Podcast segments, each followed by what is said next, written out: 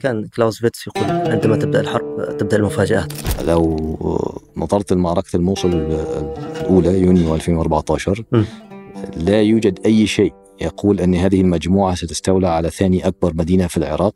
حين تستخدم آه، كتيبة المدفعية لقوات المارينز الأمريكية أكثر من آه، أظن ذكرت 40 ألف قذيفة نزلت على الرقة.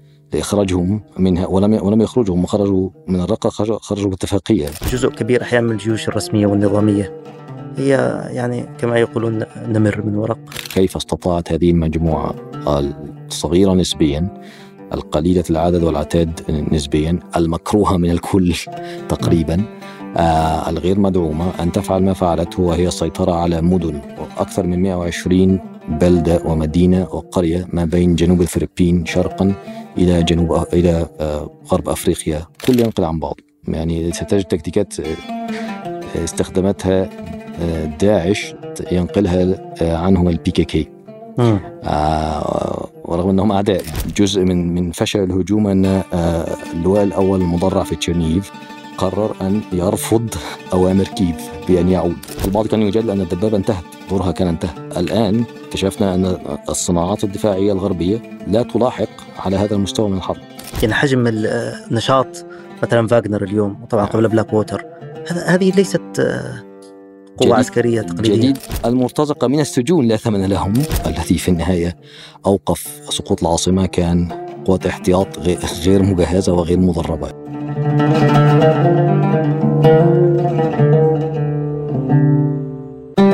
الدكتور عمر عاشور أستاذ الدراسات الأمنية والعسكرية ورئيس قسم الدراسات الأمنية النقدية في معهد الدوحة وأيضا رئيس وحدة الدراسات الاستراتيجية في المركز العربي للأبحاث والدراسات. أهلا وسهلا ومرحبا بك في فاصل منقطع أهلا وسهلا وشكرا على الاستضافة. دعني أبدأ بهذا الحقل الذي ربما لا يألفه المستمعون والمشاهدات كثيرا.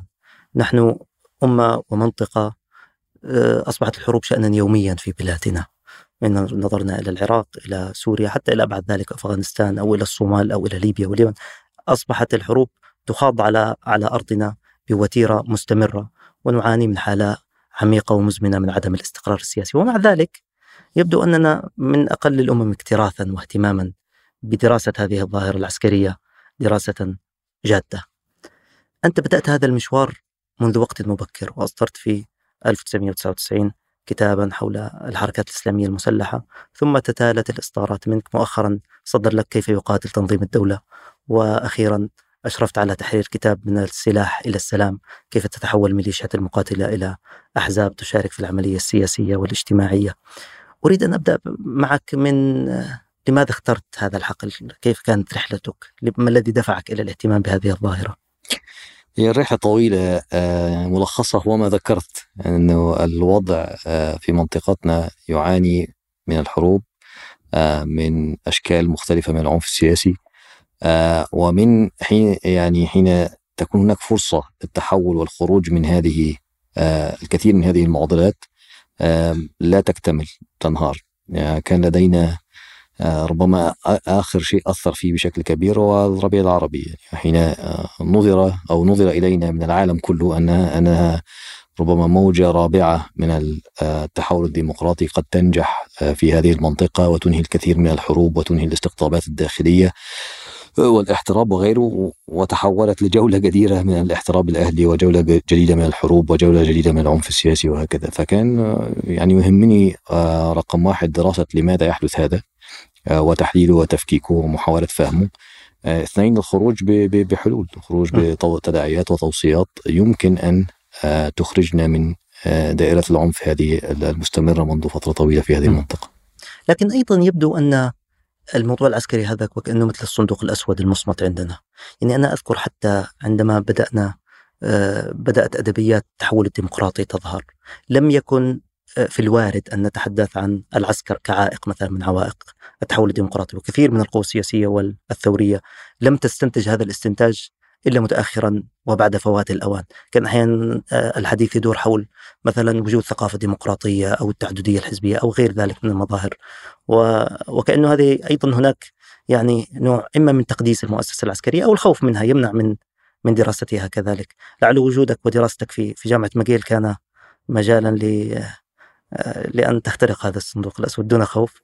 هذا صحيح جزء من هذا صحيح. وطبعا في منطقتنا ربما ما ذكرته صحيح باستثناءات طبعا. يوجد من نظر إلى أهمية دور المؤسسة العسكرية في أي نوع من التغيير السياسي نقل الديمقراطي. نعم. في المستقبل. لكن بسبب صعوبة دراسة المؤسسات العسكرية في منطقتنا بسبب نوع الأنظمة الحاكمة فيها كان هذا يعني عملية ربما بها بعض الخطورة. لكن توجد أسماء دكتور نعم. عمر عبد المالك دكتور يزيد صايغ وغيرهم يعني.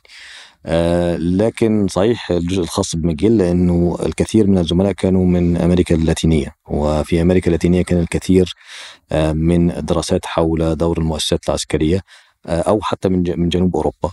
فناخذ من من اليونان إلى آه، الأرجنتين تقريبا آه، هذا هذا هذا القوس آه، مليء بالتجارب الغنية حقيقة في واحد دراسة المؤسسات العسكرية والأمنية، اثنين دور دورها في عمليات التحول، ثلاثة كيف يمكن إصلاحها وضبطها وخضوعها للدساتير والقوانين ليس فقط اسميا وشكلا ولكن حقيقه عبر المساءلة والمحاسبة في حالة الانتهاكات، وأيضا عبر يعني إعطاء شيء من حقها. وإحدى ربما التوصيات الشهيرة لنارسيس سيرا وزير الدفاع الاسباني الذي قاد عملية الاصلاحات العسكرية التي حدثت في اسبانيا بين 82 حتى 91 إحدى التوصيات هي آه، وضع الكثير من آه، برامج الدراسات الأمنية العليا لغير العسكريين ولغير وللمدنيين ليفهموا ماذا ماذا يدور في هذه المؤسسات ولكي يفهموا كيف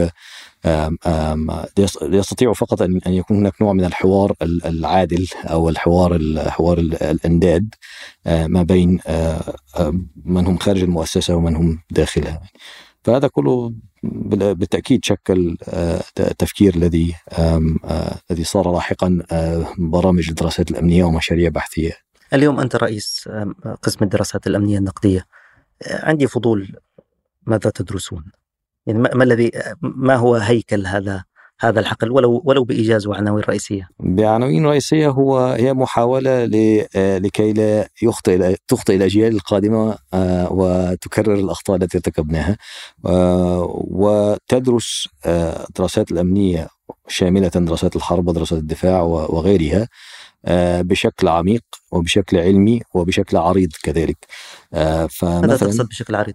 بشكل عريض بمعنى أنها لا لا تسقط في ذلك نحن نقول نحن نقديين آه، لا تسقط في التمحور حول الدولة في دراسة فقط م. الدولة ولكن دراسة ما ما فوق الدولة مثل الأمن البيئي مثل الأمن الصحي حاله الوباء السابقة م. وما هو دون الدولة كالأمن الإنساني الذي يشمل أمور عديدة آه، كذلك ولكن أيضا المؤسسات التي هي دون الدولة مثل العلاقات المدنية العسكرية وأحد المقررات الرئيسية عندنا آه، والتنظيمات المسلحة دون الدولة التي في الفترة منذ السبعينيات يعني تكسر باستمرار احتكار الدولة لأدوات العنف وبالتالي تستطيع أن تقف أمام الدولة كما كما هو واضح في الكتاب الأخير عن كيف يقاد تنظيم الدولة. تستطيع أن تتصرف كدولة وهي ليست دولة. آه فهذا من ناحية. لكن فيما يخص البرنامج آه لدينا بالأساس مقررات إلزامية ثمانية مقررات. آه، تشمل الأول العريض آه، فالدراسات الأمنية هذا مقدمة الدراسات الاستراتيجية ونظريات الحروب هذا أيضا مقدمة الأول في الدراسات الأمنية الثاني في الدراسات الدفاعية آه، ومناهج للبحث لكي نعلم الطالب كيف يكتب ورقة بحثية أو كيف يكتب ورقة سياساتية بمعنى ينقد ظاهرة يعرض ظاهرة ينقد السياسات الموجهة اتجاه التعامل مع هذه الظاهرة ثم يكتب التداعيات والتوصيات التي هو يقترحها. ثم بعد ذلك ندخل في العمق. العمق يشمل مقررات مثل آه، آه، التنظيمات المسلحة مكافحة التمرد المسلح آه، العلاقات المدنية العسكرية الأمن البيئي والبشري دراسات الاستخبارات تشمل دراسات دورة الاستخبارات وكيف تدار و وأيضا الأمن الدولي والإقليمي وهذا دراسة الدول العلاقات ما بين الدول فيما يخص الجانب الأمني سواء على المستوى الدولي أو الإقليمي. وبعد ذلك الطالب له مقررات اختيارية عدة تشمل الأمن السيبراني مثلا صار موضوع هام آه، أمن الطاقة آه، الحوكمة والمراقبة الأمنية وهذا له علاقة مراقبة الأمن المواطن ومراقبة المواطن للأمن آه، وتحليل المعارك. وهذا يعني كان جديد على المدنيين على الأقل كيف تحلل المعركة وكيف تتغير خصائص وطبيعة الحرب آه، بمرور الوقت من الحقبة الصناعية للحقبة المعلوماتية التي نحن فيها. وهل هل فعلا خرجنا من الحقبة الصناعية؟ لأن الحروب الجديدة تثبت أننا لم نخرج وما زلنا في في في الحقبة الصناعية للحرب كما توضح حالة أوكرانيا مثلا. آه و يعني هذا طيب واضح أن, يعني. أن ما سنستطيع تغطيته في هذه الحلقة لأن لا... مثلا يعني مم. هذا أيضا من المقررات الاختيارية والله هذا كما يقول الأجانب انترستنج يعني طيب. تفضل يعني تفضل مرحب بك في أي وقت. داني هذا الجانب التعليمي يوجد أيضا جانب بحثي لأننا ندير مؤتمرا سنويا في المركز العربي بوحدة الدراسات الاستراتيجية آه، عن آه، ظاهرة ما في آه، في الدراسات الأمنية ندرسها بعمق. فمثلا أول مؤتمر كان عن كان هو مشروع الكتاب الذي ذكرته من نعم. السلاح إلى السلام. كنا ندرس كيف تتحول ميليشيا أو تنظيم مسلح لحركة سلمية إما كحزب سياسي وإما حركة اجتماعية. أين يحدث ومتى تحدث و... واين ولماذا تقرر هذا؟ آه، وهكذا ودرسنا حوالي خمس 20 حالة في 15 دولة. آه، مع وجود يعني هذه كانت فقط عينة بسيطة لأن يوجد اللافت اللافت في في دراساتك هو أنك تركز على هذا المستوى المتوسط المستوى العملياتي على مستوى التنظيم. بمعنى ما ما يخطر في البال عندما تتحدث عن تحولات الحركات أن هناك ظرف إقليمي أحيانا مواتي. أن هناك أحيانا مستويات على المستويات الشخصية. لكن أنت تدرس مثلا طبيعة القيادة طبيعة التنظيم الأعداد هل هناك حالة من الإنهاك العسكري؟ يعني هذه العوامل المتوسطة وكذلك في حالة في حالة دراسة تنظيم الدولة. لذلك هنا يصبح الأمر مختلفا عن دراسة السياسات العامة نعم. وهو الجزء الذي عادة اعتدنا عليه فلنقل في فهم نعم. هو نحن كنا نخ... نريد أن نخرج من إطار آه نقل آه، التنظير من فوق يعني. وهي عادة يعني تعودناها في العلوم السياسية وفي العلاقات الدولية في هذا الحقل وفي حقل بعض آه، أفرع العلاقات الدراسات الأمنية التقليدية. والنظرة من فوق من الماكرو وعدم العلم بما يدور تحت فيتحول الأمر لتنظير قد يكون له علاقة بما يحدث وقد لا يكون له علاقة بما يحدث. ف أردنا التعمق بعض الشيء فأنا يعني من أنصار أن ننزل من المستوى ال macro للمستوى ال meso مستوى المؤسسات مستوى التنظيمات طبعا عندي سؤال اعتراضي كان كلاوزفيتس يقول عندما تبدأ الحرب تبدأ المفاجآت نعم هل هذا صحيح ولا الأمور تخضع. لحساب دقيق؟ يعني لا, لا لا لا يوجد فيها أي شيء دقيق أنت ذكرت كتاب تنظيم داعش يعني لو نظرت لمعركة الموصل الأولى يونيو 2014 م. لا يوجد أي شيء يقول أن هذه المجموعة ستستولى على ثاني أكبر مدينة في العراق آه، حين يكون لديك أقل من في المجموعة الأولى لأن كانوا دخلوا مجموعتين يعني. المجموعة الأولى كانت أقل من 500 مقاتل آه، في الموصل وحولها أكثر من 30 ألف فرقتين فرقة فرقة شرطة اتحادية وفرقة جيش آه، واحد إلى 60 ربما أكثر من ذلك لأن يعني كان حول الموصل كان يوجد على الورق على الأقل ما يقارب من 30 إلى 60 ألف. م. العذر الذي يقال أن لا لم يكن لدينا سوى عشرة ألاف. يعني نتكلم واحد إلى عشرة واحد إلى عشرة الواحد يهاجم العشرة وليس العكس. م. المدافع غالبا يكون في وضع أفضل يعني. بالإضافة أن الاستخبارات العراقية أو, أو استخبارات الشرطة الاتحادية العراقية اخترقت التنظيم ووصلت لرأسه. فبطلت الرأس في بداية المعركة في 5 يونيو. آه، فتنظيم مخترق وصلوا إلى رأسه. أعداد قليلة للغاية. آه، القوات القوات متمترسة وعندها علم أن هناك هجوم جاء آه، موجود في الموصل لديها قوات جوية. فكل ما يقال على الورق هو أن القوات ستسحق هذه القوى المهاجمة الصغيرة المخترقة وحدث العكس. تمام. فالحروب لا تحسب بهذه الطريقة. لدينا يعني fast forward ل 2022 فبراير. آه هذا رئيس الأركان الأمريكي آه جنرال مايك مايلي. آه، يقول بمنتهى الثقة أن كييف عاصمة الأوكرانية ستسقط في 72 ساعة من بدء الهجوم. نحن الآن بعدها بتقريبا سنة آه، ولم تسقط كييف. وصد الهجوم كان في آه، أنا حين دخلت يعني بعمق في في فيما يحدث في عملية كيف أو عملية الدفاع عن كيف لأن لم أصدق ما كان يحدث. يعني كان جزء من من فشل الهجوم أن اللواء الأول المدرع في تشيرنيف قرر أن يرفض أوامر كيف؟ بأن يعود. آه، قرر أن يعود يدافع عن العاصمة. وقرر أن يبقى في مكانه. مبدئيا لأنه لا يريد مقاطعة تشيرنيف الواقع شمال شرق كييف. كان لا يريدونها أن تسقط بسببهم. فكانوا يقولون أنها لن تكون القرم الثانية ونحن سنتحمل مسؤولية. فقرروا البقاء هناك والقتال واحد ل 12 واحد دبابة مقابل 12 يعني هو هي لواء كان يواجه آه، فرقة الحرس الجيش آه، الحرس first tanks ارمز فرقة المدرعات الأولى. فرقة جيش المدرعات الأول الروسي.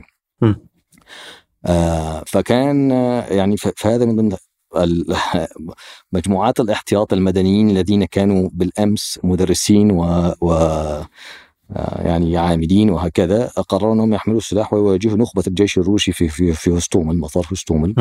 آه وهؤلاء كانوا قوات احتياط كانوا تيرابورنا كما هل هي الروح المعنوية يعني في هذين آه، المثالين؟ يعني كيف جيفارا كان يقول؟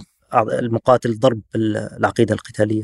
جزء كبير منها قوة معنوية ولكن جزء كبير منها أيضا يعني تراكم نستطيع نقول تراكم خبرات لأن معظم هؤلاء كان لهم خبرة سابقة يعني. حتى حتى بعض هؤلاء المدنيين لأنهم تطوعوا قبل ذلك في في الدومباس في الحرب الثمان سنوات التي كانت تدور في ما بين 2014 و 2022 آه وجزء منها كان تسليح بعض التسليح الغربي لأنه بعضهم كانت الفصيلة في فصيلة قوة الاحتياط في في كييف كان لديها فصيلة يعني 27 جندي آه لديها 11 آه شخص حاملين لأنلو لمضادات دروع بريطانية موجهة وشديدة الدقة.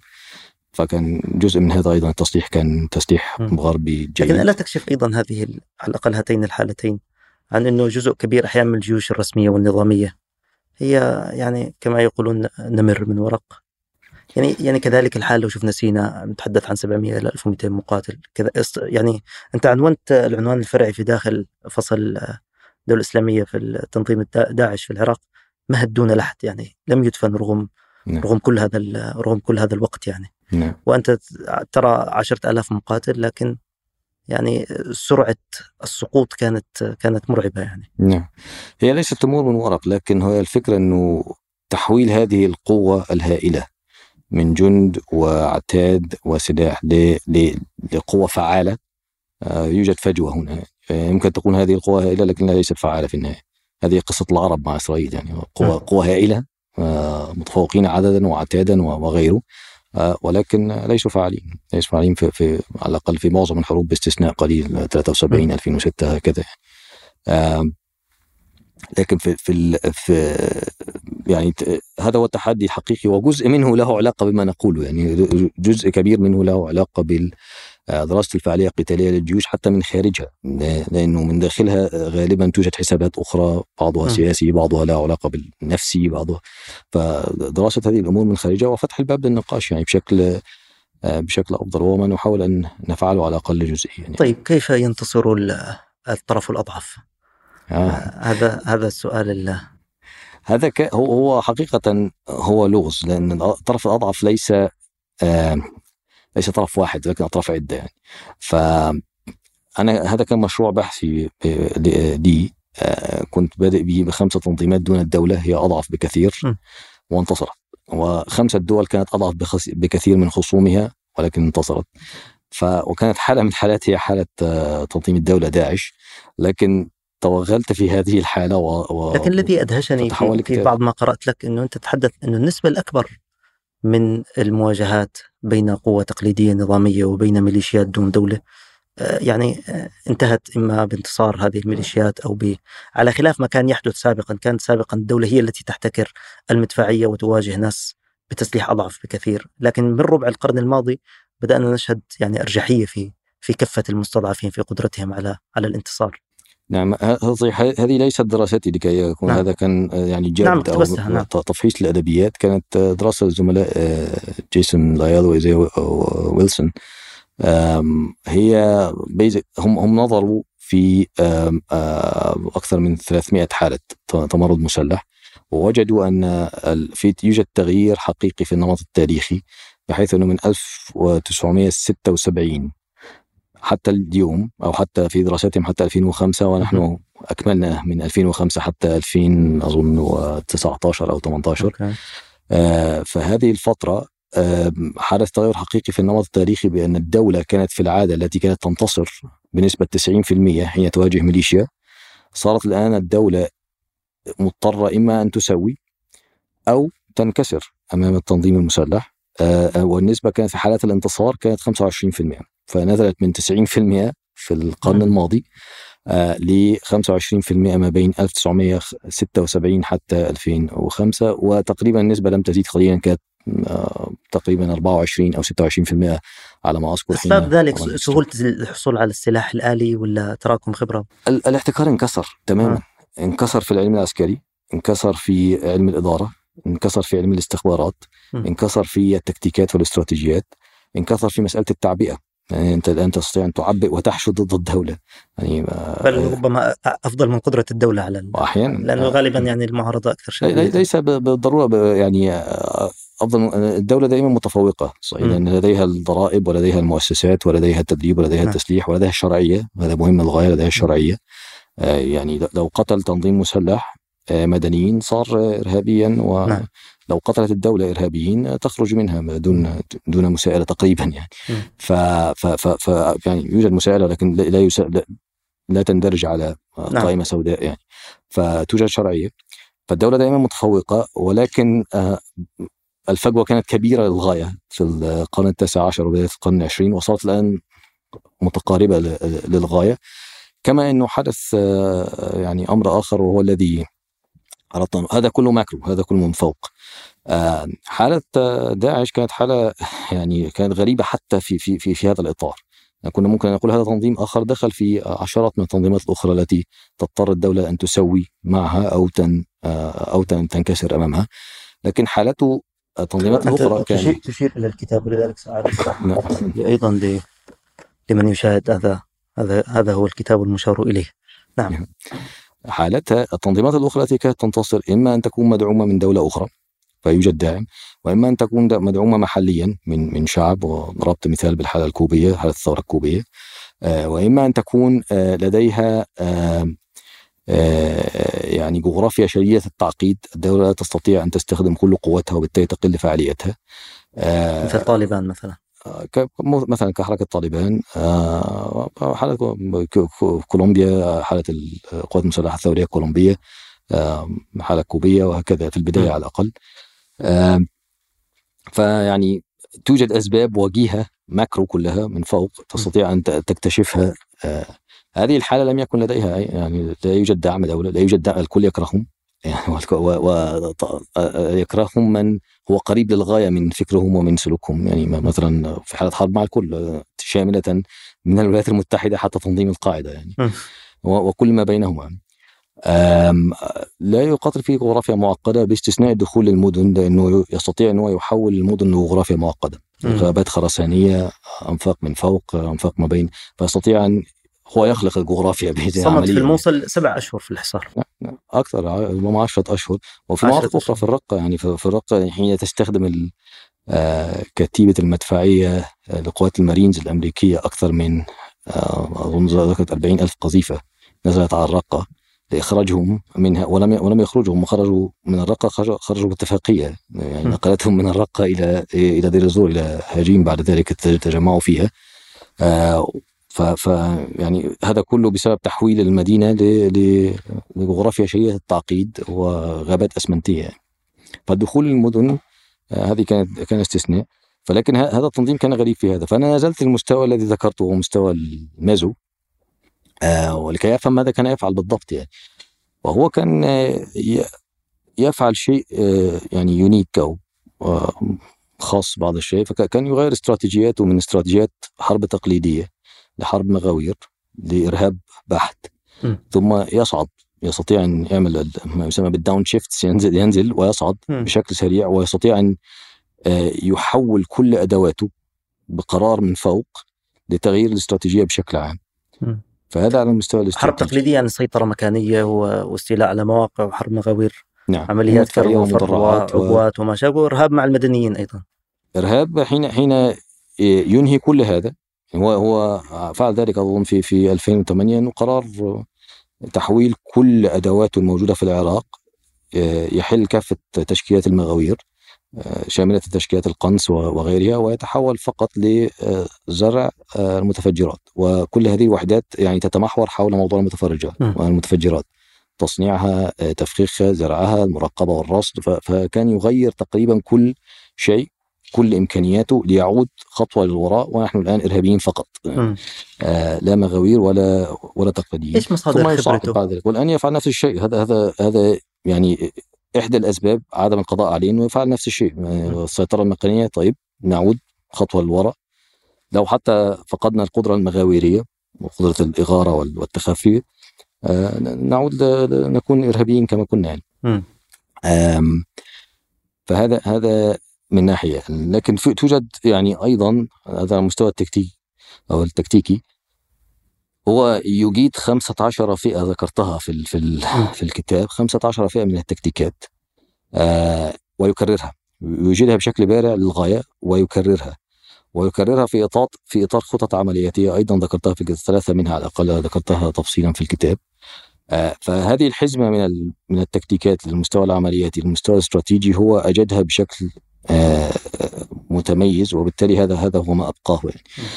بغض النظر عن أي شيء فهذه فوائد أن تنزل للمستوى الميزو مستوى المتوسط آه، دون أن تنظر من أعلى فوق لأن من الأعلى لن تكتشف الكثير ومن تحت على مستوى الأفراد ستكتشف الكثير لكن لن تظهر لك الصورة كاملة لأنها مستوى أفراد فبالتالي المعلومات كثيرة لكن لن تجمع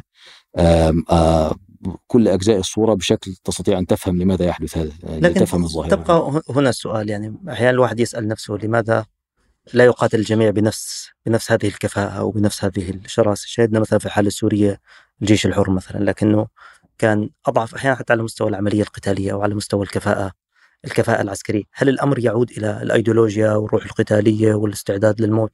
أم هي أيضا مصادر هذه المعرفة العسكرية وأي العوامل تغلب؟ هو الكل أيضا يعني من ناحية القوى المعنوية هامة للغاية آه ولكن لم تكن هي العامل الوحيد. يعني أنا ذكرت العوامل التي يعني له ولغيره. منها موضوع القوى المعنوية لأنه من قاتله كان أيضا قوته المعنوية عالية. وكان يريد القضاء عليه حقا. يعني لأنه كان متضرر للغاية منه. آه فموضوع القوى المعنوية كان موجود عند الطرفين. لكن الذي أعطاه النقل النقطة الزائدة أو الإدج الحد الزائد كان ما, ما ذكرته السرعة الهائلة مع عدم قدرة غيره على التنفيذ لأنه كتابتها والتنظير حولها سهل تنفيذها صعب للغاية شديد الصعوبة يعني. ربما أجدها جزء منها أجدها لأنه كان مضطر أن يقاتل قوة متفوقة عليه بكثير. في في آه، حين كانت الولايات المتحدة موجودة في العراق فحين قتل إما تنظيمات الثوار في سوريا أو النظام السوري الأمر كان بالنسبة له أسهل بكثير آه، لأنه أجاد هذا في في في مقابل الأصعب بكثير أو يعني داروينيزم داروينية بالمعنى البقاء للأقوى تطور البقاء يعني آه، فهو تطور البقاء فعلا. مع القدرة العالية على الإبداع. يعني. القدرة العادية على الإبداع إنه كان يخرج بأمور ذكرت بعضها كذلك في الكتاب آه، لم يتخيلها أحد يعني.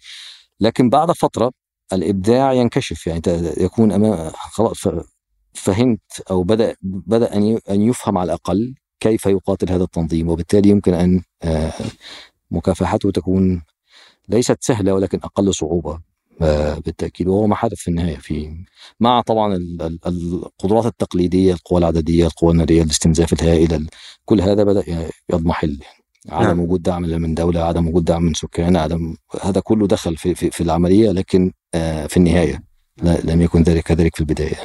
أريد أن أسألك غصت في في هذا العالم آه، وأنت تدرس مثلا تنظيم الدولة تحضر المقابلات تحضر تحضر الإصدارات هذه عملية شاقة أن أن تفهرس كل هذه العمليات العسكرية وتدرسها هل يستطيع الباحث العسكري أن يعزل العسكري عن الإنساني؟ آه صعب للغاية ولكن آه هذا ما, ما تحاول أن تفهمه يعني من ناحية لا تحاول أن تتأثر بالإنسانيات لأن آه أثر الأثر كان آه مأساوي مأساوي على العراق وعلى سوريا وعلى كافة الدول التي تواجد فيها التنظيم يعني. من كافة الأطراف لأنه حتى طرف الدولة الذي يكافح يرتكب أخطاء.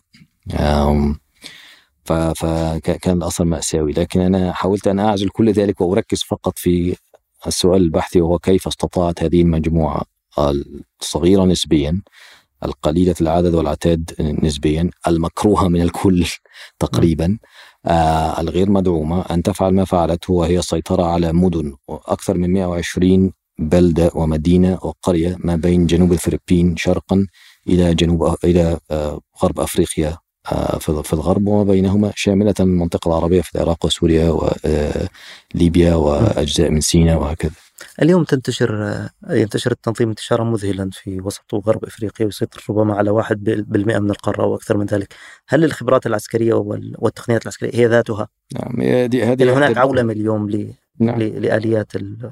أنا ذكرت طريقة العمل فإحدى أركانها لها خمسة أركان إحدى أركانها الرئيسية هي أنه dissemination of knowledge اللي هو, اللي هو يعني نشر المعلومات بشكل سريع للغاية. آه، حول نشر الخبرات أو نقل الخبرات بشكل سريع للغاية حول وهو فعلها. وهذه أيضا حين تقارن غيره غيره لا ينقل الخبرات لبعض. يعني غيره يرى أن أن العلم هو مصدر قوة وبالتالي حتى في الجيوش النظامية يعني لا يعني لو وحدة ما لا تريد أن تبقي المعلومات لديها ولا تخرجها للوحدة المقابلة لأنها ستنافسها. فهو كان يفعل العكس. كان تنظر في في منشوراته هو يكتب يعني كيفية أو طرق السيطرة على المدن بشكل مؤقت ويكتب الدراسة. الأجيال السابقة كانت تنقل هذه الخبرات فرديا يعني. نعم.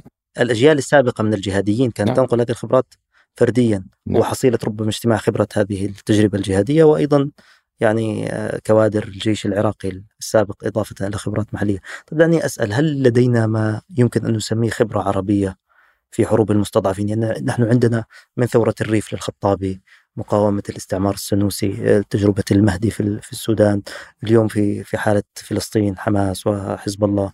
يعني كل هذه كل هذه الأشكال هل تعتقد أنه أنتجنا شيء ربما يعني آه، ينظر إليه يحتاج إلى نوع من التأطير؟ لا توجد طبعا هي عمليات التطور آه، كانت عمليات تطور آه، هائلة في يعني هو باستثناء هذه الحالة إنها حالة يعني شديدة التطرف، شديدة التطرف في في ليس فقط في الأيديولوجية وفي السلوك وفي عمليات القتل وهكذا، شديده التطرف من حيث إنها نادرة. يعني الحالات المشابهة بهذه الطريقة يعني بهذا المستوى من التطرف وبهذا المستوى من الكل يكرههم وفي حالة حرب مع الكل ينتهي بسرعة شديدة. يعني هذه استمرت سنوات. ولم يقضى عليها حد إلى الآن.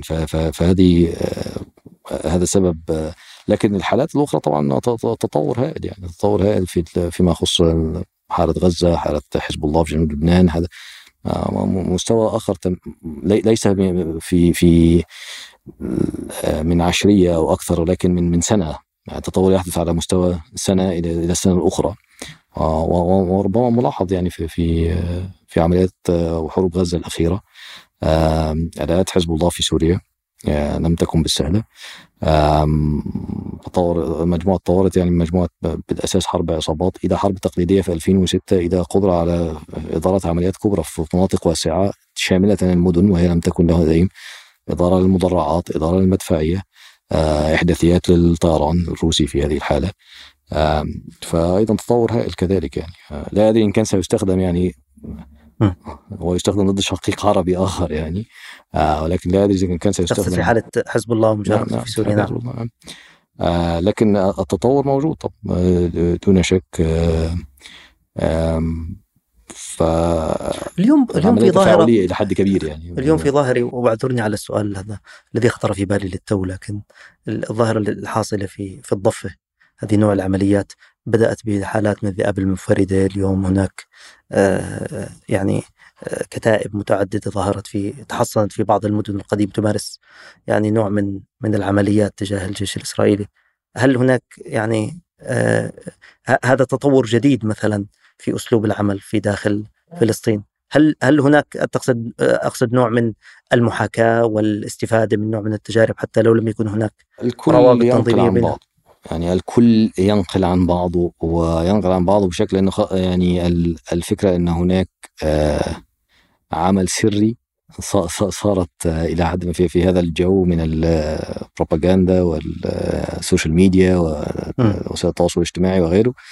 يعني قليل للغاية فالكل ينقل عن بعضه. يعني ستجد تكتيكات آه، استخدمتها داعش ينقلها عنهم ال PKK آه ورغم إنهم أعداء يعني لكن الكل يستفيد وربما استخدمتها داعش ينقلها عنهم انصار الله الحوثيين في, في, في اليمن. ف فتجد هناك يعني إلى حد ما ليس كل شيء لأن داعش مثلا كانت تعتمد على عمليات انتحارية بشكل مكثف. فالكل ليست لديه هذه الأيديولوجية. نعم. لكن بشكل عام الكل ينقل عن بعض. الجيوش النظامية كذلك تستفيد يعني. تأخذ نوتس و وتطور الحالة يعني. نعم. لأن يعني الحالة الأوكرانية أظن ستكون ستتحول ل ربما مدرسة ميدانية كبرى في كيف يطرف يقاتل الطرف الأضعف ويدافع عن نفسه بهذا بهذا هل هو فعلا طرف أضعف في الحالة الأوكرانية؟ بلا دون شك طرف أضعف لكن يعني حجم الدعم العسكري الذي الذي يحظى به؟ يعني الدعم العسكري في مقابل طرف أكبر منه من حيث العدد ومن حيث العتاد بعشرات المرات. يعني هو التسليح فقط ربما وبدأ يحدث يعني بدأ يحدث أوكرانيا في حاله حرب من فبراير 20 فبراير 2014 نحن الآن دخلنا فبراير 2023 يعني تقريبا تسع سنوات. نقل السلاح الحديث يعني إنه قبل ذلك كان سلاحهم يعني مجهودهم في في نتكلم عن صيف 2014 اللي هو المضاد إنه هم عصوا الحلفاء الحلفاء آه، وقتها إدارة أوباما وإدارة ميركل كانت آه، تحاول أن تقنعهم أن لا يقاوموا ولم يقاوموا في القرم رغم أن لديهم كان لديهم حوالي 20 ألف جندي أوكراني موجودين في القرم في قواعدهم فكانت باستثناء الإنزال الجوي الذي حدث من الطرف الروسي الإنزال الجوي الإنزال البحري كان 20 ألف مقابل 20 ألف. والقرى منقسمة. ما ستجد فيها غالبا آه، نفس. لو هناك أعداد هائلة موالية لروسيا آه، هناك أعداد هائلة موالية لأوكرانيا شاملة تطر القرم المسلمين في القرم كلهم موالين لأوكرانيا يعني أنهم تعطيهم الحريات يعني. فيما لا توجد لديهم خلفية تاريخية شديدة التعقيد فعندهم حاضنه وعندهم نعم عندهم حرية. فالذي أريد أن أقوله أنه آه، يعني بداية المقاومة آه، الأوكرانية بدأت من صيف 2014 ونجاحاتها كل كل هذه المدن التي كنا نتكلم عنها. يعني حاليا ماريوبول حررت بالقوة كراماتورسك حررت بالقوة سلوفيانسك حررت حيث بدأ الموضوع كله في في سلوفيانسك في إبريل 2014 حررت بالقوة في صيف 2014 آه، فهم أخذوا العد... يعني الكثير من أراضيهم. نعم. دون مع عصيان كان كان يسموها الخطة باء يعني ال plan B آه، الخطة باء هي تجاهل الحلفاء. استمروا في المقاومة وحتى يوقفوك وكان التهديد الغربي وقتها أنه يعني لروسيا أنه لو استمريتم آه، سنسلح. هذا جيد نظريا. يعني لو استمريتم سنسلح جيد نظريا. حين يتحقق آه، حين يصل السلاح ويتم التدريب عليه ويتم إيصاله للوحدات في مناطق بعيدة في مواجهة الروس هذا كله يأخذ وقت. لو قرر الروس الدخول وهو ما حدث بالضبط في ماريوبول الثانية في سقوط ماريوبول لم يصل السلاح لماريوبول لم يصل آه، وحتى لو وصل هم غير مدربين عليه. فكان ف فيعني آه، موضوع اننا لو صعدوا سنصعد بالتسليح هذا جيد على الورق لكن حين ينفذ آه، مختلف تماما. آه، مختلف تماما. ما الجديد في في حرب أوكرانيا بالنسبة لي نظرية الحرب والدراسات العسكرية؟ القديم كثير أول أول جديد هو قديم حقيقه. أول جديد أول جديد هو إن النظرة للحرب إنها صارت آه، نسميها الحقبة المعلوماتية للحرب. اننا تجاوزنا هذه الحقبة الصناعية. نصب المدفعية أمام البعض وإطلاق القذائف لفترات طويلة آه، ثم التحرك بالمدرعات البعض كان يجادل أن الدبابة انتهت دورها كان انتهى. كل هذا الكلام ثبت أنه واحد غير صحيح اثنين على المستوى الاستراتيجي خطير للغاية لأن الآن اكتشفنا أن الصناعات الدفاعية الغربية لا تلاحق على هذا المستوى من الحرب. مستوى الحقبة الصناعية هذا ليست لديها اعتقدوا بأن هذه الحقبة انتهت من الحروب ودخلنا في حروب نعم. جيل رابع. الحروب الآن ستكون يعني ما, ما كان يقال أنها نموذج القرم. م. أن تدخل تلعب في عقول الجنود تخترق استخباراتيا تختار يعني المعادين للوجود. الروسي يتم تصفيتهم بطريقة أو بأخرى. تخترق سيبرانيا تقنع السياسيين ألا يقاوموا وإلا آه، وتكون لديك قوة عددية كبيرة. بحيث أن الدبابات تتحرك فقط لتأمين النصر، النصر تحقق لأنه لا أحد يقاتل م. فحين تحرك مدرعاتك ومدفعيتك تكون النصر قد تحقق وهي تاتي فقط لتأمين شبه الجزيرة أهم بقعة استراتيجية في أوكرانيا آه بعد أن يتحقق النصر دون قتال، فكان هذا هو النموذج والكل يعتقد أن هذا هو النموذج.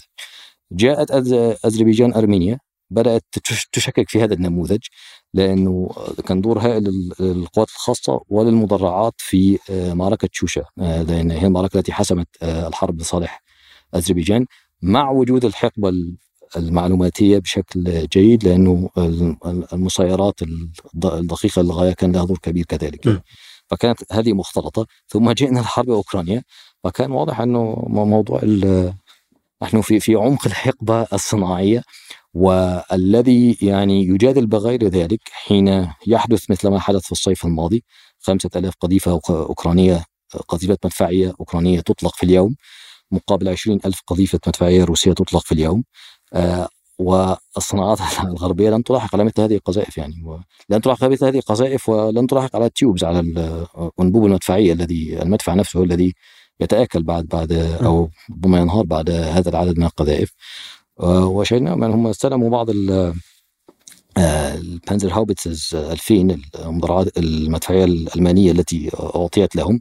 بعد 3000 بعد 300 قذيفة اضطروا أنهم يعيدوها لألمانيا ليس لديهم لوجستيات ليس لديهم مصانع. الألمان الألمان ليس لديهم قطع الغيار.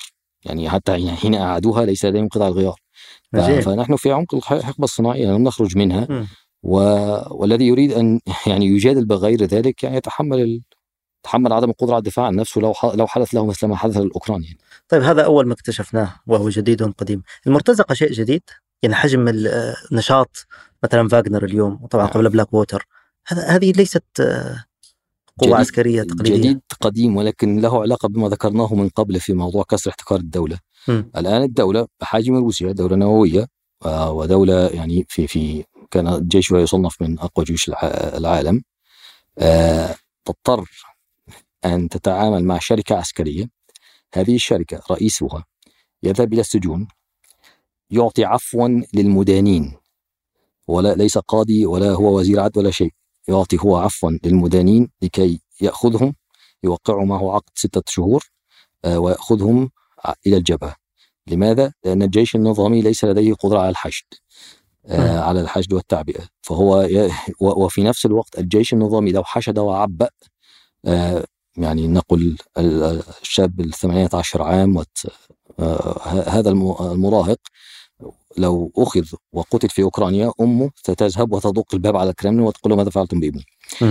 وهو مع هذا نموذج حرب الشيشان أغسطس 96 حين تم حصار 10000 جندي مجند مع ضباط مع ضباطهم في في جروزني وانهيت الحرب على هذا الأساس. اضطر الرئيس يلتسن أن يوقع وقف إطلاق نار ثم صارت اتفاقية الصداقة بين الاتحاد الروسي والجمهورية. المرتزقة لا ثمن لهم.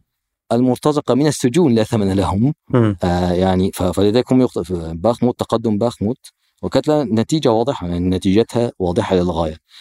الجيش النظامي يتراجع في خرسون يعني خرج من المدينة وتمطرس خلف النهر. كان انسحاب منظم لم يستطيع أوكران أن يعني يستفيدوا منه كثيرا لكن تراجعوا وتمطرسوا خلف النهر. في في هاركيف كان انهيار. يعني الجيش جيش هجين يعني بعضه من النظامي وبعضه ميليشيات الانفصاليين المسمى الفيلق الثاني ساعتها كان في في لوهانسك وقتها كان في لوهانسك. آه هؤلاء انهاروا. فتراجعوا كذلك. عندك ريمينا سفاتوف بعد أن أخذت آه، القوات الروسية أخذت لوهانسك المقاطعة كاملا الآن القوات الأوكرانية عادت إليها. فتمترسوا كذلك. فالكل يتراجع من الذي يتقدم؟ الوحيدون ميليشيا فاغنر التي يقول هي أول شركة عسكرية آه، أعلم عنها يعني تدير جبهة كاملة. يعني تدير جبهة باخموت آه، وسوليدار على الرغم ما يقوله النظاميون لكن يبدو أن كان كان لفاغنر القيادة خاصة في آه، يعني قديما في بعض الاتفاقات التي حدثت هم ما يفعلونه هو أن آه، الذين لا ثمن لهم المساجين هؤلاء الذي لن تأتي أمه تخبط على باب الكرملين آه، وهم أخرجوهم من السجون بعقد يضعون في المقدمة يشغلوا القوات الأوكرانية.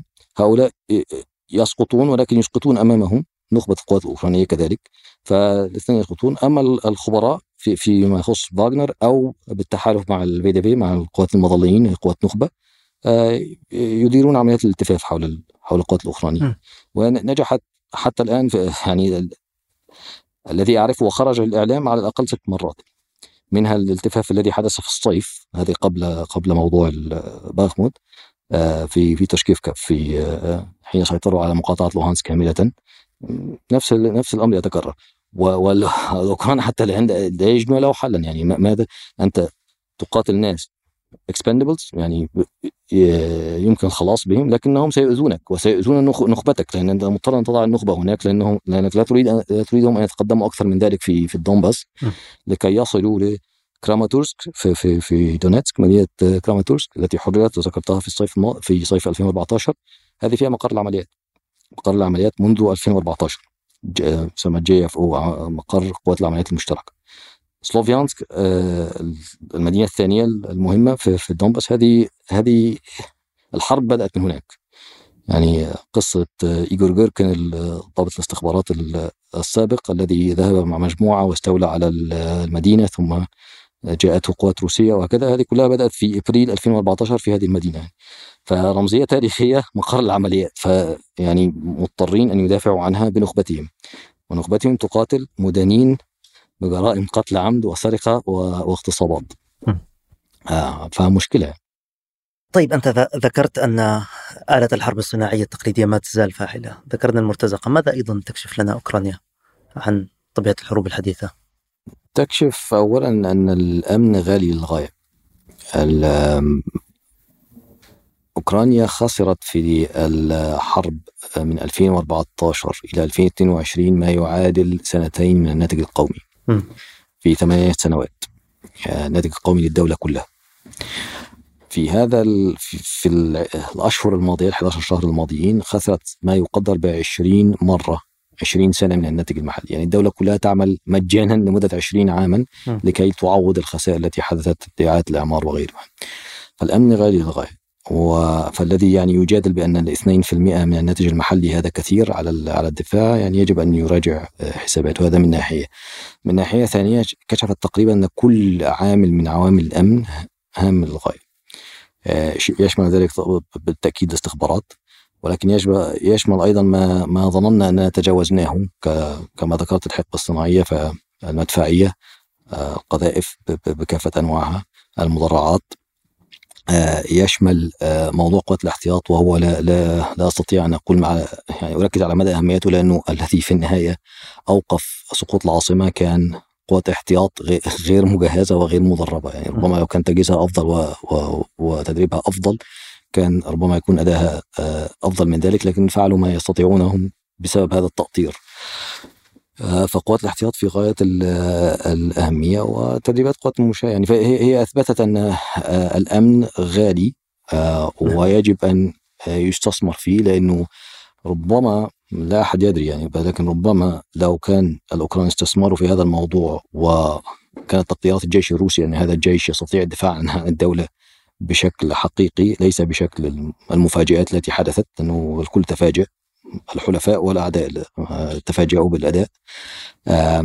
ربما لو ظنوا هذا ربما كان الغزو لم يحدث منذ البداية. قبل قبل أن ننتقل إلى محور تحولات الحركات المسلحة آه، حالة اسرائيل فلسطين هذه العقدة في المنطقة العربية والتي أيضا أذكر في الزمانات كان مراكز دراسات اسرائيليه كثيرة الآن خفت خفت نجمها. آه، لكن آه، لأننا نسمع التعليقات السياسية لكن حين يسمع الإنسان من مختصين بالشأن العسكري تبدو الصورة أكثر أكثر دقة وربما أكثر صوابية. على قول ستالين آه، البابا كم يملك من الدبابات يعني؟ آه هذه الرؤية للصراع وأنت ذكرت تطور التقنيات العسكرية. ربما لا يوجد حالات مقارنة لنقارن بين حالة إسرائيل حماس حزب الله غيرها مع حالات أخرى لأن تجربة آه هذا الكيان مختلفة في جغرافيتها في كذا. لكن كيف تقرأها عسكريا؟ كيف تقرأ ميزان ميزان القوى المتغير هذا؟ حالة إسرائيل حالة يجب أن تدرس بشكل يعني عميق أيضا لأنه نحن أحيانا ندرس أنفسنا أكثر مما ندرس الطرف الآخر يعني. الحالة الإسرائيلية فيها تطور هائل. آه، تطور هائل على كل المستويات. جزء وتريد أن ترى ترى أثره خارج المنطقة حتى يعني ليس فقط في الحروب على غزة وعلى الضفة آه، وفي سوريا ولكن خارج المنطقة ربما ترى الحرب الأثرية الأرمينية الأخيرة. كانت إحدى أكثر المسيرات فاعلية آه، بالإضافة للمسيرات التركية آه، الهرب 2 هرب 2 كانت تفعل مسيرات انتحارية موجهة. آه، لم تعطى للأوكرانيين ولكن أعطيت للأذر ونفذت كم هائل من العمليات وكانت يعني المسيره تنزل في الخندق. هذا هذا مستوى الدقة. وتصورها التي بي 2 المسيره التركية. جزء كبير يعني العملية كلها تقريبا نفذت آه، بصورة تقريبا محدثة ومطورة مما فعله الإسرائيليون في آه، السوريين في آه، في البقاع في يونيو 82 م. نفس يعني نفس بدء الهجوم بالمسيرات المدفعية تطلق أو مضادات الأرضية والدفاعات الجوية تطلق على على مسيرات. آه، ثم تأتي بعد ذلك تكشف أماكنها ثم تستهدف هذه الأماكن إما بالمدفعية أو بالطيران. تقريبا نفس الشيء نفذ 82 2020 ولكن نفذ بطائرات أنتونوف آه، طائرات قديمة ال biplanes يسموها باربعه أجنحة هذه نعم. الطائرات القديمة ولكنها drones لا يوجد فيها طيار. فتطلق عليها الدفاعات الجوية تسقط الطائرات رخيصة لا يهم أن تسقط وتأتي بعد ذلك آه، المسيرات الموجهة الإسرائيلية تنهي آه، هذه الدفاعات يعني وهو ما حدث مع ف فيوجد دروس الاخرون هو ليس دروس اكشلي هو غالبا هم أعطوهم يعني كيف نعم. كيف تقضي على مضادات دفاع هذا على مستوى تصديرها للخبره العسكرية وأيضا للسلاح وهي حاضرة في السوق العالمي اليوم نعم. بشكل بشكل كبير، لكن هي في وضعية جغرافية أيضا تعاني من مأزق هي دولة نعم. على شريط ساحلي وفي خاصرتها وفي محيط في محيط غريب عنها يعني المعروف هو نقاط الضعف آه، يعني الستركشر يعني هيكلية. نقاط الضعف. الهيكليه معروفة. آه، لكن هي آه، أنا أود التركيز على نقاط القوة لكي يفهم نعم. لماذا هي موجودة حتى الآن يعني. طبعا. فهذه هي النقطة يعني. طيب ننتقل إلى إلى الحديث عن أصدرت مؤخرا من السلاح إلى السلام. حررت هذا الكتاب وهو كتاب جماعي صادر عن المركز العربي لدراسة الأبحاث. ومن الجيد أن يكون في نهاية حديثنا حديث عن السلام. نعم. آه درست تحول الميليشيات المسلحة إلى أحزاب تشارك في في العملية السياسية انتهاء الحرب والجلوس إلى طاولة المفاوضات. هذا الجدل كان فوكو مهتم به. هل السياسة هي استمرار للحرب بصورة أخرى؟ نعم. أم الحرب هي استمرار للسياسة بصورة أخرى؟ متى يجلس المسلح على الطاولة؟ آه سؤال وجيه. هو اكشلي لا يوجد آه يعني توقيت نستطيع نقول آه، متكرر في كافة الحالات. فكل يعني نجد عدد كبير من الحالات آه، يجلس حين يهزم. ولكن المثير أن أحيانا أنه يجلس حين يتعادل حين يكون هناك تعادل في في الميدان وبالتالي لا يوجد حل سوى الجلوس. واحيانا يجلس حين ينتصر. يعني وهذه كانت الاستثناءات. يعني ذكرت في الكتاب أو يوجد فصل كامل في الكتاب عن الساندينيستاس في نيكاراغوا يعني اضطروا أن استولوا على السلطة بالقوة. آه ولكن سلموا بخسارة الانتخابات يعني. آه لاحقا يعني في التسعينيات. آه وثم ثم استمروا في خسارة الانتخابات عدة مرات حتى مؤخرا يعني حتى 2016 أظن. فيعني توجد فهذه موجودة يعني حالات الانتصار والهزيمة لكن هي الحالة الأبرز هي لها علاقة بالقيادة يعني قيادة هذه المجموعة سواء كانت قيادة شخص charismatic شخص قيادي كاريزمي آه، أو مجموعة نيلسون مانديلا المثال الأبرز نيلسون مانديلا يعني ربما المثال الأشهر آه، حالة مانديلا ويوجد في الكتاب يعني أحد آه، زملائه هو روني كاسريلز وزير الاستخبارات الاسبق لجنوب أفريقيا ونائب وزير الدفاع وكان هو مؤسس الجناح العسكري واحد مؤسسي الجناح العسكري للمؤتمر القومي الأفريقي الجناح الذي كان يسمى رمح الأمة.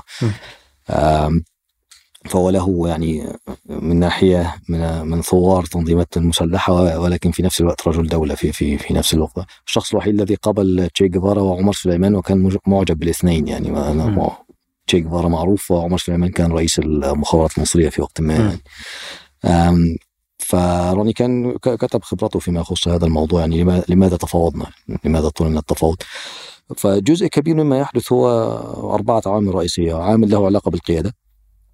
القيادة في وقت ما تأخذ قرار بأننا يجب أن نوقف آه، العمل المسلح بهدف التغيير الاجتماعي والسياسي والتغيير الاجتماعي السياسي سيحدث عبر آه، عبر تسوية ما. على طاولة المفاوضات لماذا تختار القيادة هذا؟ جزء منها له علاقة بما ذكرت وسميته آه، عامل يعني إرهاق إرهاق الحرب يعني war fatigue factor اللي هو عامل القتال تعبوا الجماعة آه. نعم, نعم. آه هذا هذا العامل الأول نعم أن القيادة تتخذ قرار بأنه نعم. يكفي حربا نجلس إلى الطاوله نعم. والعامل الثاني وله علاقة بإرهاق الحرب يعني نعم. الحرب مرهقة لكافة الأطراف العامل الثالث له علاقة بالتفاعلات آه القيادة غالبا تتفاعل مع أناس لا يفكرون بنفس الطريقة. أحيانا شاملة يشمل ذلك منظمات حقوق الانسان م. يشمل ذلك آه، الأحزاب السياسية التي لا تتبنى العنف. آه وتتأثر بهم خاصة تحت ضغط القتال. تتأثر بهم والعامل الرابع له علاقة بالمحفزات آه، المحفزات الاختيارية التي إما الدولة تعطيها آه، أو المجتمع الدولي يعطيها للتحول نحو السلام. والمحفزات هذه لها علاقة مباشرة بالميدان كلما زادت الفاعلية القتالية للتنظيم كلما زادت المحفزات يعني. نعم. لكن يبدو دولنا ما عندها محفزات يعني. بل ربما بعضها يستمد شرعيته من من استمرار نوع من الصراعات يحافظ عليها آه، ويديم. لا لدينا حالات هي الحالات العربية معظمها حالات انطلاق آه، وليست حالات استمرارية. فتوجد حالة الحالات المصرية كان آه، حالة الجماعة الإسلامية المصرية م. كان يوجد أيضا فصل صحيح. في الكتاب. عنها حالة الجماعة الإسلامية المقاتلة الليبية وهي حالة أيضا مشابهة للغاية. حين الحالتان الجزء الهام فيهم أن حين سقط النظام الذين كانوا يقاتلونه يقاتلون ضده كنظام مبارك ونظام القذافي استمروا في في التوجه نحو الحزب السياسي والحركة الاجتماعية. ولم يعود للمساله تبني العمل المسلح والعنف السياسي كوسيلة أساسية للتغيير. أه، حالات الجزائر الجيش الإسلامي للإنقاذ ومجموعة أخرى من الحالات وهذه حالات لم تتحول لحزب سياسي انه يعني سلم السلاح على أساس إنه يكون هناك حزب سياسي أو هكذا يقولون ولكن في نفس الوقت لم يعني كانت هناك حزمه من نقول المحفزات الاقتصادية والاجتماعية ولكن آه، المحفزات السياسية وضعت جانبا. أحيانا يحدث العكس. يعني أن يتحول حزب سياسي أو حركة سياسية أكيد. نتيجة انسداد الأفق إلى صحيح. كنت حتى تفاجأت أن في في, مز... في حالة الجزائر كذلك صح بعد ما تم الانقلاب الانتخابات لكن أيضا اليوم في موزمبيق الحزب الديمقراطي كان الذي نعم. لاحقا يعني بايع تنظيم الدولة أو نعم. أو نحو ذلك وهذا يعيدنا يعني إلى هذا المناخ العام بمعنى أن سواء كانت الحركات مسلحة أو معارضه أو سياسية إحنا عندنا في المثل الشعبي نقول الناس بدها عنب ما بدها تقاتل الناطور يعني الناس تريد النتيجة تريد في النهاية نوع من التغيير الاجتماعي والسياسي الذي يعبر عنها والذي يحقق قدر من التنمية إلى آخره من, غير من الأهداف هذه المشروعة صحيح. لكن يبدو أن الناطور أحيانا يصر على على جعل الأمر أكثر صعوبة صحيح ولكن يوجد يوجد عاملان قد يسهل هذا الأمر آه، العامل الخامس اللي هو عامل خارج يعني هذا ماكرو ما فوق م. الدولة يعني. آه، الدعم الدولي والإقليمي وكنا ذكرنا في الكتاب حالة الاتحاد الأوروبي في موضوع الجيش الجمهوري الأيرلندي حين يعني تم الدعم المحفزات وأيضا الوساطة وربما الضغط على الطرفين في فترة ما الحكومة البريطانية والجيش الجمهوري. ويوجد عامل آخر وهو الإصلاحات عامل عامل الديمقراطة وهو فقط لقياس الإصلاح وضبط لأن هذه العمليات يعني الذي آه، ركزنا عليه في الكتاب أن يمكن لهذه العمليات أن تبدأ. يمكن أن تبدأ. وبدأت في الحالات العربية بشكل يعني آه، جيد وعلى كل المستويات سلوكي وتغيير على المستوى السلوكي تغيير على المستوى الأيديولوجي تغيير على المستوى التنظيمي. ولكن استمراريتها صعب. آه، وكلها تقريبا بعد أن استمرت فترة انهارت في العالم العربي. حالات أخرى يوجد تحدي لها الجيش الجمهوري الأيرلندي حالة إيتا في إسبانيا آه، مؤخرا القوات المسلحة الثورية الكولومبيه مضت الاتفاق ثم حدثت انشقاقات بعد ذلك في كولومبيا. آه، فتوجد حالات تبدأ والاستمرارية. جزء هام من الاستمرارية ومن دعم هذه الاستمرارية هي إصلاحات القطاع الأمني.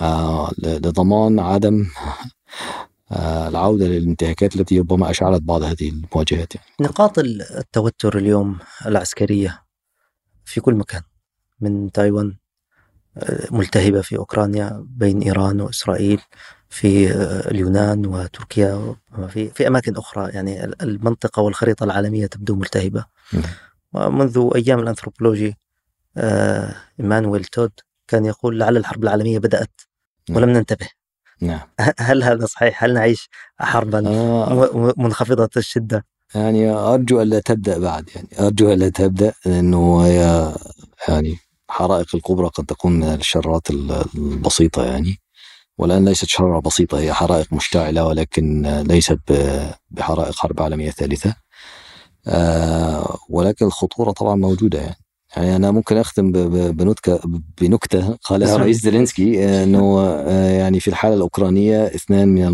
من المواطنين يتساءلان ما الذي يحدث فمواطن يقول للآخر آه، اسمع هذا الناتو هذا هذه حرب ما بين الناتو و وروسيا وهذا سيقودنا الحرب العالمية الثالثة فالمواطن الآخر يقول له طيب وكيف الخسائر؟